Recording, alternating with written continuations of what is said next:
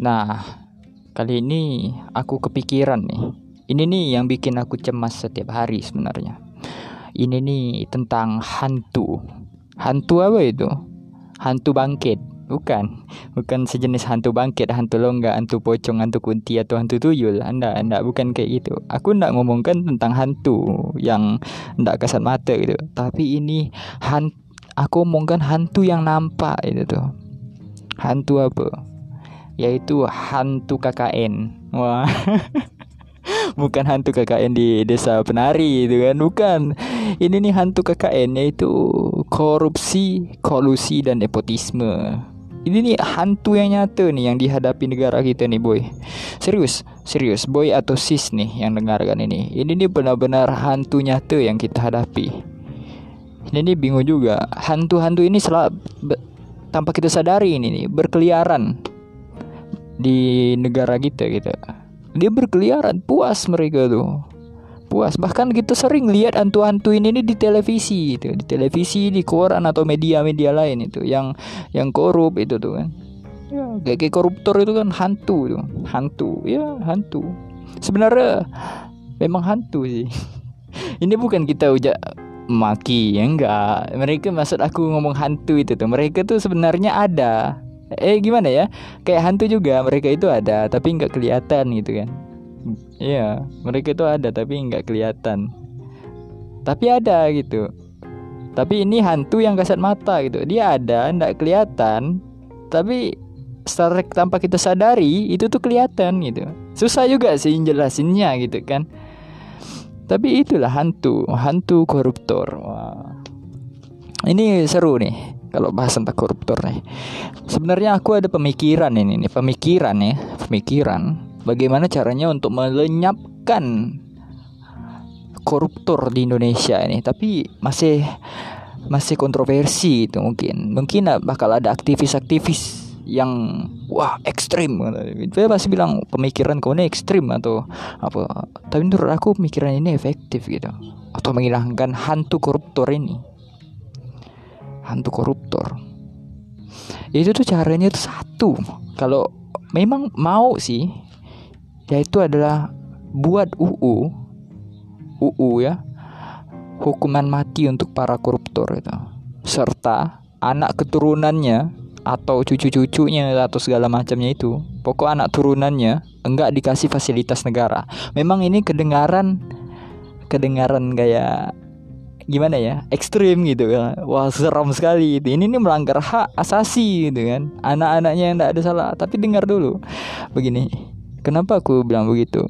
Kalau koruptor itu sebenarnya Indonesia ini udah gawat sekali gitu tuh. Koruptornya tuh banyak itu mereka itu. Cara untuk mengatasinya itu yang banyak-banyak itu ya dengan gitu mereka tuh terlalu ekstrim korupsinya. Jadi kita harus mengambil langkah ekstrim tuh pula gitu untuk membantai semuanya itu. Dengan cara tadi itu bikin UU hukuman mati gitu kan.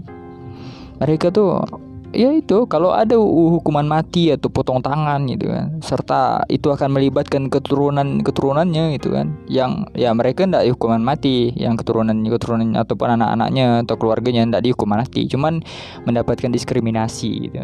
Memang ini nih ide ini nih emang agak ekstrim bukan ekstrim udah terlalu atau konyol atau mungkin banyak orang bilang ide ini ide bodoh tapi kalau ini diterapkan saya benar-benar yakin seribu persen yakin kalau korupsi di Indonesia ini tidak ada, musnah langsung, seketika musnah gitu. Karena orang bodoh mana yang mau mengorbankan gimana ya? Ya dia korupsi gitu kan, dia korupsi, dia juga mati nantinya kalau ketahuan dan anak turunannya itu bakal habis gitu kan.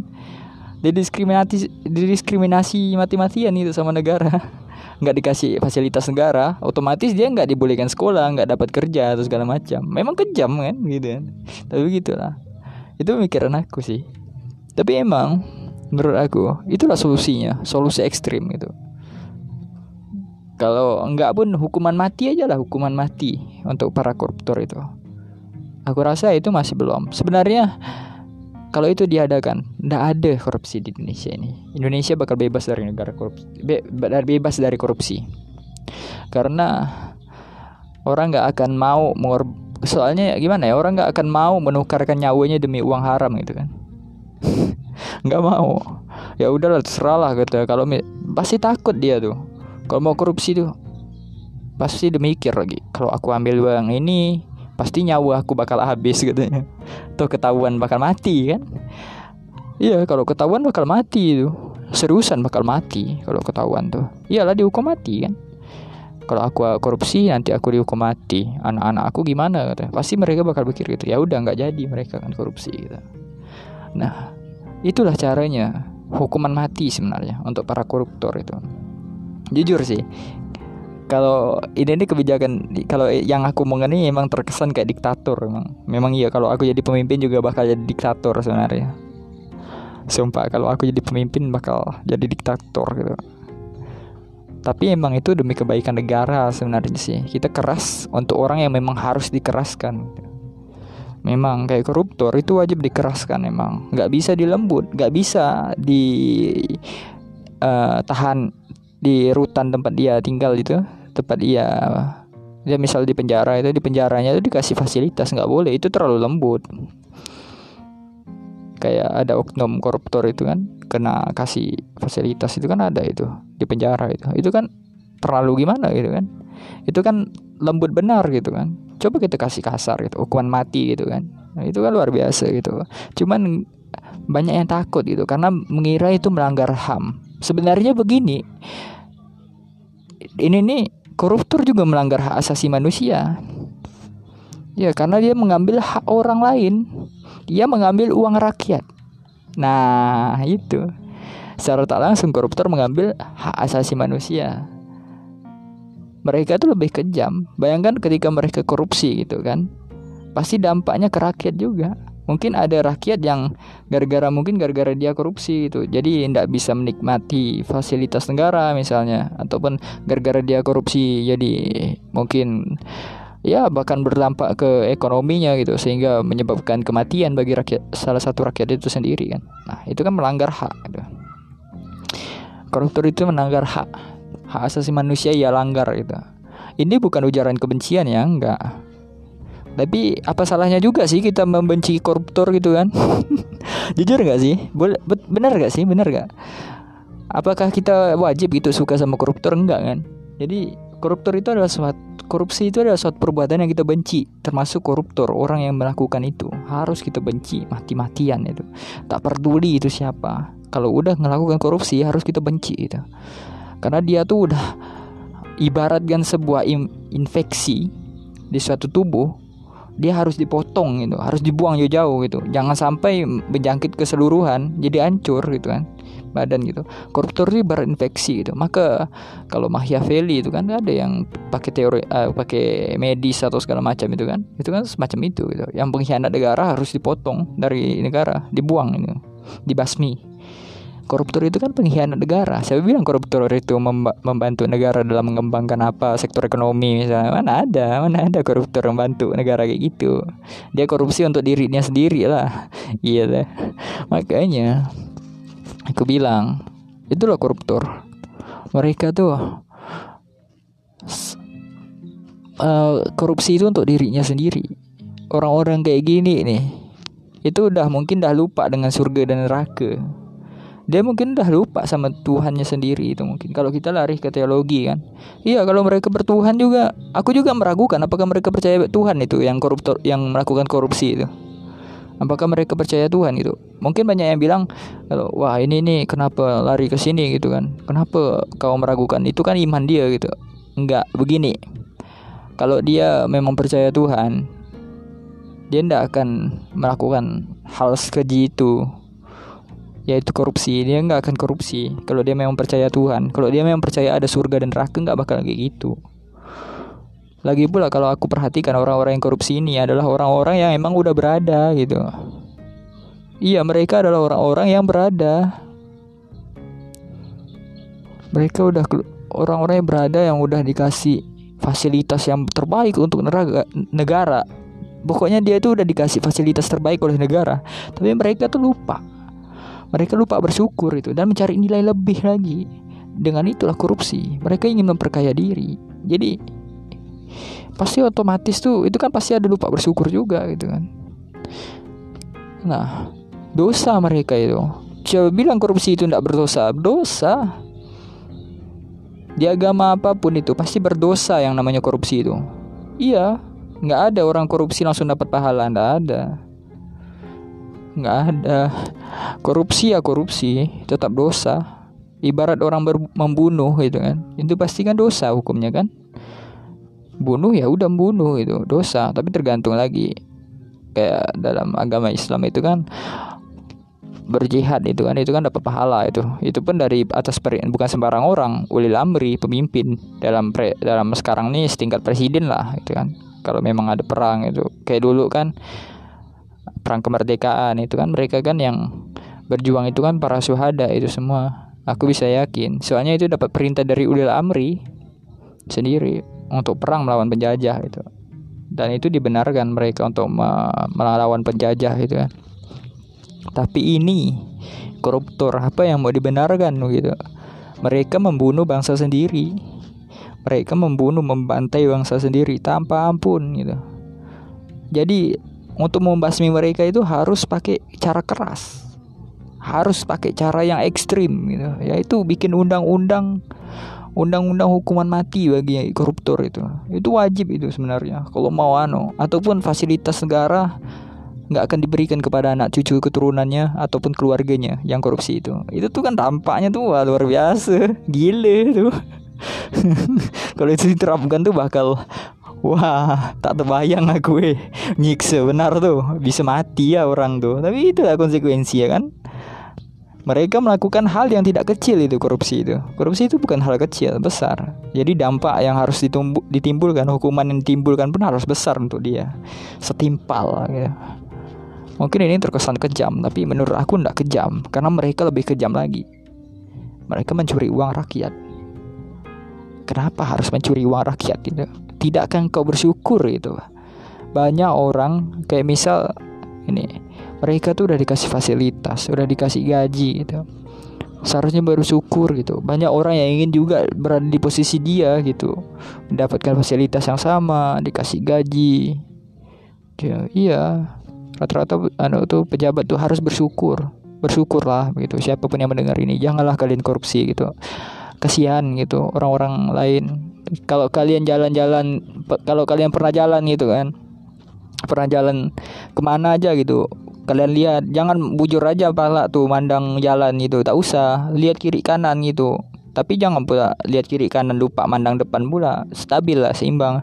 Kita lirik-lirik lah kiri kanan gitu kan. Pasti ada orang-orang yang dorong gerobak orang-orang yang miskin orang-orang yang sekiranya itu kurang mampu masih tega kan kau korupsi gitu kan. Kalau emang tuh janganlah korupsi gitu. Pikirkan mereka orang-orang yang tidak mampu tadi. Bagaimana uang-uang mereka bekerja gitu mereka bayar pajak tapi uangnya kalian makan itu misal coba pikirkan jangan jangan korupsi. Biarpun itu harus membunuh kalian sendiri jangan korupsi. Karena korupsi itu bukan sesuatu yang terpuji.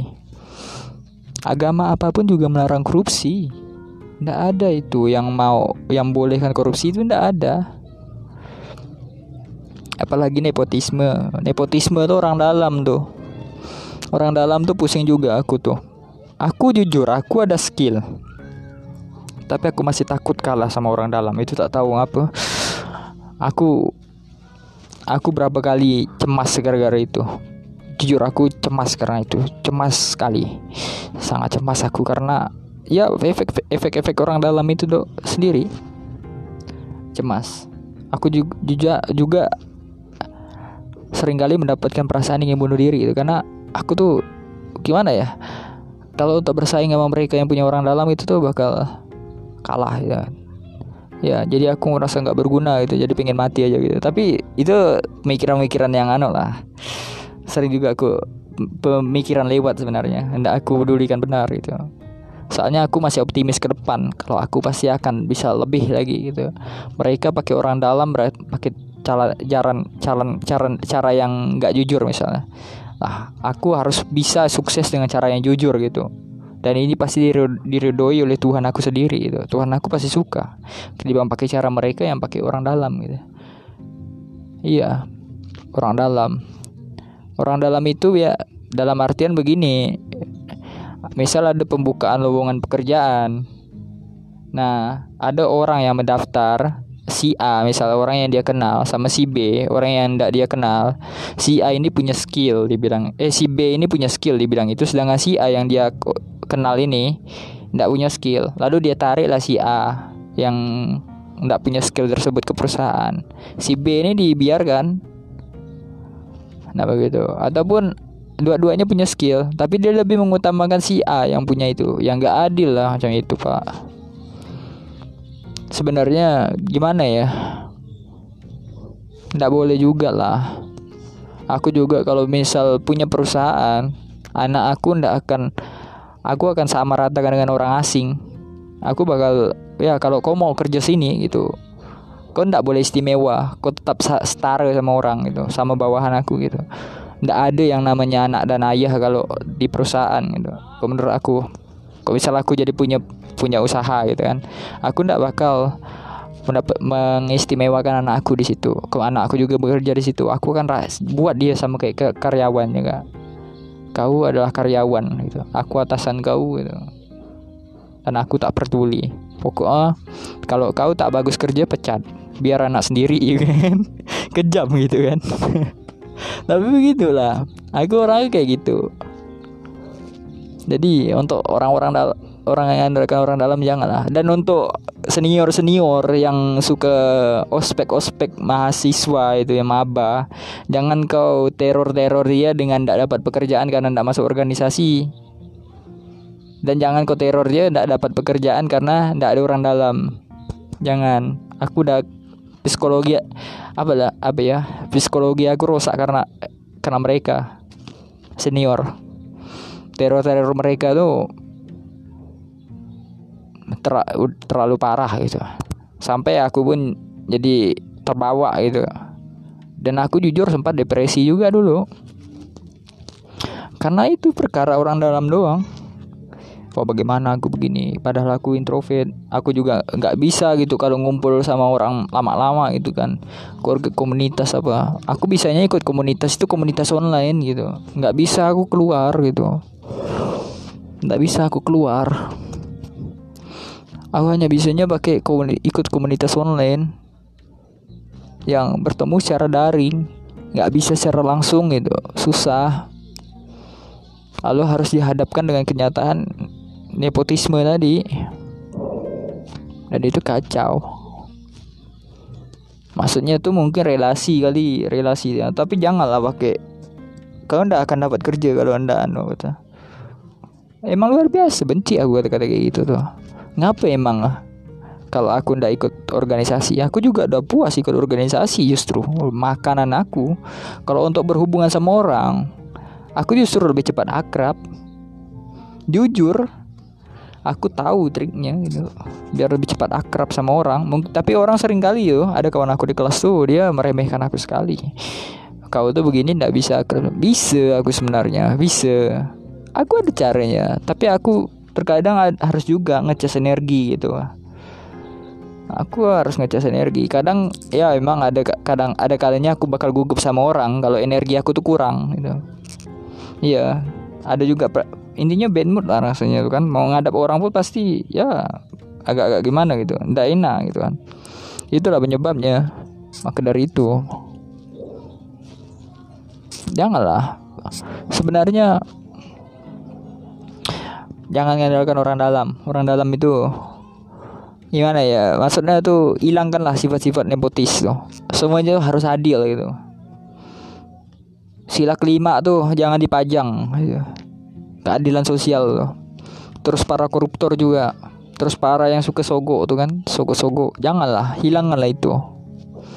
Jangan jadi hantu ya. hantu khusus gitu hantu yang nam hantu yang tak nampak tapi ada. Tapi nampak tanpa disadari itu hantu khusus lah dia. Tadi itu hantu ya. Pokoknya jangan jadi hantu KKN lah itu Han jangan jadi hantu itu. Tak boleh pikirkan juga orang lain gitu. Jangan pikirkan diri sendiri gitu. Jangan pikirkan diri sendiri karena untuk apa memikirkan diri sendiri? Lebih baik kita pikirkan orang lain juga gitu. Boleh kita pikirkan diri sendiri. Tapi jangan lupa mikirkan orang lain. Bagaimana seandainya kita di posisi orang itu gitu. Pasti sakit hati kan? Kok misal ada yang kalah persaingan karena si A adalah so menangnya pakai orang dalam misal ataupun ada yang ano karena ada yang si rakyat nih misal si rakyat ya ini dalam perkara korupsi si rakyat tahu kalau si A misalnya dia korupsi misal. Pasti itu bakal sakit hati karena pasti ada kekecewaan ter tersendiri di hatinya gitu.